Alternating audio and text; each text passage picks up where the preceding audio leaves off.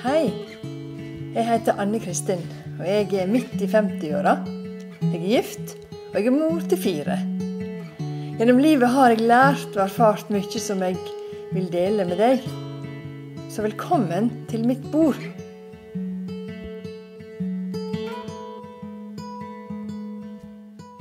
I dag vil jeg snakke litt mer om um, dette med foreldreroller, og hvor viktige vi foreldre er for ungene våre. Um, av og til så får jeg et inntrykk av, eller jeg kan tenke at nei, det er ikke så viktig. Jeg er ikke så viktig. Fordi at vi har kanskje vokst opp i et sånt, et sånt uh, samfunn der ekspertene Ekspertene forteller oss om hva som er best for barnet, hvordan skal vi gjøre ting. Altså i det hele tatt, Vi får så utrolig masse input. Og jeg sier ikke at input er feil. Jeg sier ikke at det å tilegne seg kunnskap og det å på en måte få, an, få andre perspektiv på livet ikke er viktig. For det har vært kjempeviktig for meg. Gjennom hele min, min, tid som mor, som jeg faktisk har vært i 28 år, så har jeg måttet bare innhente kunnskap, brukt min egen fagkompetanse som barnevernspedagog og sosialarbeider. Jeg har hørt på andre damer og, og mødre. Jeg har hørt på fedre. Jeg har hørt på bestemødre. Jeg har på en måte hatt mange som jeg har hørt på. Og av og til så kan alle de stemmene gjøre oss nesten mer forvirra. Gjøre oss nesten mer usikre. For hvem er jeg, da? Hvem er jeg som mor? Hvordan vil jeg være som mor? Hva er det som er min, min um, genuine måte? Og som jeg snakket om tidligere, så har historier de preger oss hvordan vi utfører, eller hvordan vi er mødre og fedre. For jeg tror både mor- og farrollen har jo endret seg ganske mye i den siste generasjonen. Det har skjedd utrolig mye. Og jeg tenker nok at av og til så, så kan jeg få en opplevelse av at vi foreldre trer litt til sides, og så kan andre få overta. Fordi at vi hører så mye om hvordan vi skulle ha gjort det. Men jeg vil oppfordre deg som mor og deg som far. Ha tro på deg sjøl. Tenk at dette kan vi få til. Tenk at vet du hva, Uansett om utfordringene kommer, så er det muligheter for å gjøre det bedre og starte på nytt. Og En ting som vi er veldig opptatt av i samfunnet vårt i dag, det er klima og miljø. Klima- og miljøspørsmålet det er jo en av de tingene som jeg kanskje tenker vi som, som er oppvoksen generasjon skal være opptatt av. Hva skal vi formidle videre til ungene våre? Hva er det de skal arve etter oss? Hva er det de skal på en måte se at de trenger når, når, når, den, når vi, er, vi, er, vekk? Men det som jeg på en måte undrer meg ikke over Hvorfor er det så lite snakk om klima i heimen? Altså Klima i heimen vil jo også være helt avgjørende for hvordan er det ungene klarer seg resten av livet. Og der spiller vi som foreldre en vanvittig rolle. Altså, jeg, bare, jeg, må bare understreke Heia, foreldre! Kom igjen! Trua på dere sjøl. Og så vil vi gjøre feil. Jeg har bare erfart opp gjennom hele livet jeg har gjort mye feil. Men det er ikke farlig å gjøre feil hvis du kan innrømme det.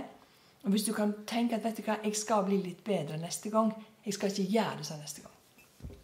En av de tingene som jeg er opptatt av, og som har skjedd, og som jeg har utvikla meg faktisk ganske mye på, det er det ansvaret jeg føler jeg har for klimaet i heimen. Ansvaret jeg har for at det ikke er en sur stemning. Ikke er sur jord. Som på en måte ikke på en måte er sånn som du kan vokse og ha det godt i. At jeg ikke er den som legger skylda på ungene når ting er feil. At jeg ikke er den som på en måte gir dem dårlig samvittighet. At jeg ikke er den som på en måte stadig vekk legger skylda og liksom er på en måte den som gjør at vi får en ekstra byrde til livet. En av de tingene som jeg har erfart da. Jeg har jo ofte våre situasjoner, og dette her handler litt om jeg har snakket om det tidligere det handler litt om denne terskelen for hva tid jeg blir sinte. Og det handler også veldig mye om den terskelen i forhold til hva, hva overskudd jeg har, hvor mye søvn jeg har fått, om jeg har klart å holde meg litt i fysisk form, om jeg har klart å tenke og gjort noe med min historie det er med på å prege faktisk foreldreskapet. Hvis jeg, hvis jeg på en måte tenker at noe av grunnen og motivasjonen for at jeg skal holde meg i fysisk form, det er at jeg skal på en måte ha litt mer overskudd til å være mor og til å være far. Og dette med klima i heimen, Den tror jeg vi skal snakke mer om. Dette gode klimaet å vokse opp i. Og Da er det dette at vi som foreldre må ta en lederrolle. Vi må være ledere i heimen. Og ikke fordi jeg tror at um, vi ikke er det. Men av og til så kan vi få opplevelsen av at vi ikke klarer det. Jeg husker når um, guttene var små, særlig guttene var små, så hadde jeg veldig behov for kontroll. Jeg, jeg opplevde at de var født såpass tett i, i alder, var under to år imellom dem. Og jeg opplevde at, at kontroll tok mer over min måte å være oppdrager på enn å få en god relasjon til dem. Jeg opplevde at jeg måtte si nei masse ganger. Jeg måtte være liksom veldig strenge for at de skulle få høre på meg. Og jeg opplevde at det hjalp faktisk ikke så grusomt mye. Jeg opplevde at jeg ikke sang veldig tilfreds. Og jeg opplevde meg sjøl litt mer sånn der eh, kontrollerende. Mer enn relasjonell. Og det var jo flere ganger der jeg husker at eh, jeg hadde gjort et eller annet. Jeg har blitt så sinte. Over Helt sånn flaut sinte. Der jeg måtte bare si vet du hva, gutta mine, jeg må bare beklage. Jeg har ikke, jeg har ikke vært god mor i dag. Jeg har ikke fått det til i dag. Og det, det der med å på en måte innrømme feil, det handler om å skape en godt klima. Og ikke minst, Jeg har flere eksempler på når vi tar på, på bilturer, vi skal på ferie. Jeg har mista helt fatninga i bilen. Måtte gått ut av bilen og jeg kjefta og smelt og vært ikke ok med ungene mine. Og det er noe av det der jeg sitter igjen med nå at vi, vi har jo gjerne her uh, ulike foreldrestiler. da. Men det er én stil som jeg vet, og som jeg har lært om gjennom min faglige utdannelse. Det er en, det er en autoritativ, ikke autoritær, men autoritativ foreldrestil. Og Det handler om denne kontrollen og relasjonen, at de er balanse. For da er du med på både å gi varme og det å være sette grenser. Og dette å gi varme og sette grenser og forstå barnet ditt samtidig som du er, tar rollen som foreldre og den som skal lede heimen, det er veldig viktig. Og I dag så vil jeg bare si at du som mor og du som far, du må kunne si til deg sjøl jeg skal prøve å gi både varme og grensesetting, eller krav, eller hva du skal kalle det for, i løpet av dagen. Og det er klart at hele tida så går vi denne veien. Hele tida lærer vi. Og hele tida må vi stoppe opp og si til oss sjøl vet du hva, dette var ikke godt nok. Samtidig du skal klappe deg på skuldra og si i dag har jeg gjort så godt jeg kan. Men det som er viktig, det er at vi har et bevisst forhold til dette. Både det å gi den varmen som barnet trenger, det å vite omsorg for det, faktisk møte dem på følelsene sine og jeg sier ikke det at dette her går lett. Jeg har gått i grøfta så mange ganger, men jeg har reist meg. Jeg har reist meg opp igjen. Jeg har sagt til meg sjøl Anne Kristin, du kan bedre enn dette. Du vil ha en ny start i morgen eller en ny start nå. Jeg har faktisk måttet, jeg har kommet hjem fra jobb. Jeg har vært så sint, for jeg vet at i kjelleren sitter en og spiller, spiller dataspill. Eller det er rotete i huset. Jeg vet at de har vært hjemme hele dagen. Og jeg på en måte tenker at nå er det sikkert rotete.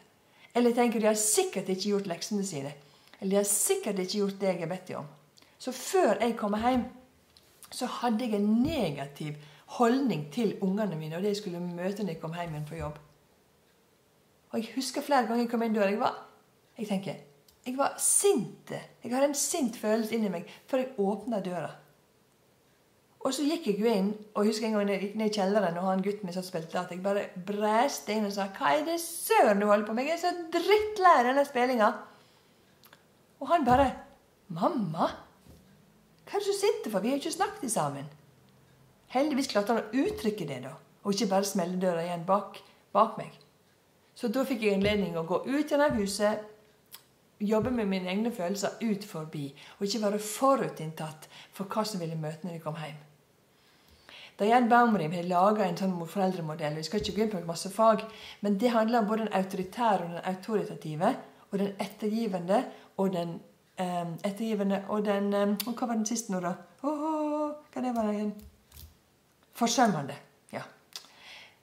De, disse her, Det er ikke tvil om at den autoritative, ikke autoritære, men autoritative er den beste måten å gjøre det på.